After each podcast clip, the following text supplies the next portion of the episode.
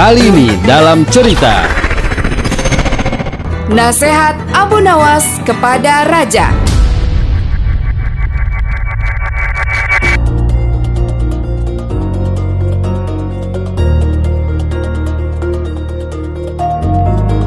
Suatu hari, Raja Harun Arasid menunaikan ibadah haji. Ketika sampai di pusat kota Kafah, tiba-tiba terlihat olehnya Abu Nawas sedang menaiki sebatang kayu, berlarian ke sana kemari, dan diikuti anak-anak dengan riangnya. Wajah sang raja mendadak menjadi sumringah dibuatnya. Matanya berbinar-binar karena begitu merindukan sosok Abu Nawas karena Abu Nawas sejak beberapa bulan terakhir meninggalkan kerjaannya sebagai bentuk protes atas ketidakadilan dan kesombongannya. Sejak kepergian Abu Nawas itulah, raja seperti mengalami kesepian. Tidak ada lagi orang yang diajaknya berdiskusi maupun hanya sekedar bercanda. Karena itu, raja sangat gembira begitu melihat sosok Abu Nawas yang tak disangka akhirnya datang juga.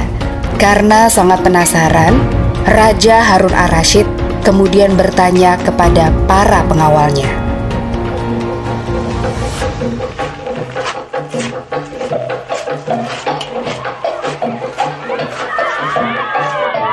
Pengawal, siapa dia? Dia si Abu Nawas, Tuan Raja.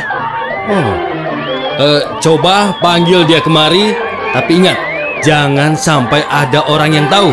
Baiklah, Raja. Tidak berapa lama kemudian, para pengawal berhasil membawa Abu Nawas ke hadapan raja. Abu Nawas diperkenankan duduk di hadapan raja. Assalamualaikum Abu Nawas. Waalaikumsalam Tuan Raja. Abu Nawas, kami merindukanmu. Ya, tetapi saya tidak merindukan Anda semuanya. Beberapa pengawal kerajaan spontan saja akan mencabut pedang dari sarungnya untuk memberikan pelajaran kepada Abu Nawas yang tak mampu menjaga perkataannya di hadapan raja, sang pemimpin. Akan tetapi, niat tersebut dicegah sendiri oleh Raja Harun Ar-Rasyid. Pengawal, tahan dulu. Abu Nawas, aku merindukan kecerdasanmu maka berilah aku nasihat. Hah? Untuk apa aku memberikan nasihat untukmu? Karena inilah istana dan kuburan bagi mereka semua. Kalau begitu, tambahkan lagi. Engkau telah memberikan nasihat yang bagus.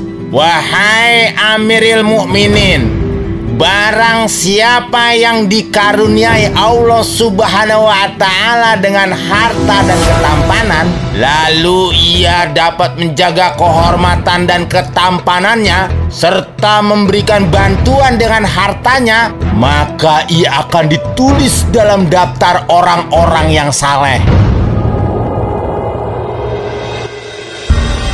Mendengar perkataan Abu Nawas, Raja Harun Arasid mengira Abu Nawas menginginkan sesuatu darinya.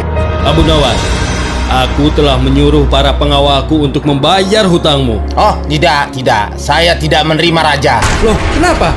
Kembalikan harta itu kepada yang berhak menerimanya. Bayarlah hutang diri Anda sendiri. Namun Raja Harun tak menyerah begitu saja. Ia kemudian mempersiapkan hadiah khusus kepada Abu Nawas. Tunggu dulu Abu Nawas, aku telah mempersiapkan sebuah hadiah untukmu.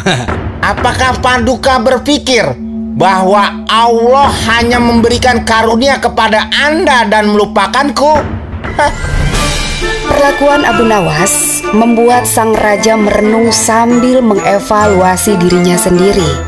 Raja Harun sadar kalau selama ini dirinya kurang adil dan berlaku sombong dengan jabatannya, sehingga mudah meremehkan orang lain. Usai mendapat nasihat dari Abu Nawas, Raja Harun berubah menjadi raja yang adil dan bijaksana kepada rakyatnya. Abu Nawas memberikan nasihat berupa sedikit sindiran namun sang raja tidak tersinggung atau bahkan memenjarakan Abu Nawas. Raja malah merenung dan terus merenungi apa gerangan kesalahan yang telah dia buat selama memimpin kerajaan. Dari cerita tadi terlihat jelas bahwasanya Raja Harun Arasid adalah seorang raja yang bijaksana karena beliau mau menerima kritikan dari rakyat kecil yaitu Abu Nawas. Salah satu ciri kekuatan komunikasi seseorang pemimpin adalah keberaniannya mengatakan kebenaran meskipun konsekuensinya berat. Dalam istilah Arab dikenal ungkapan Katakanlah atau sampaikanlah kebenaran meskipun pahit rasanya.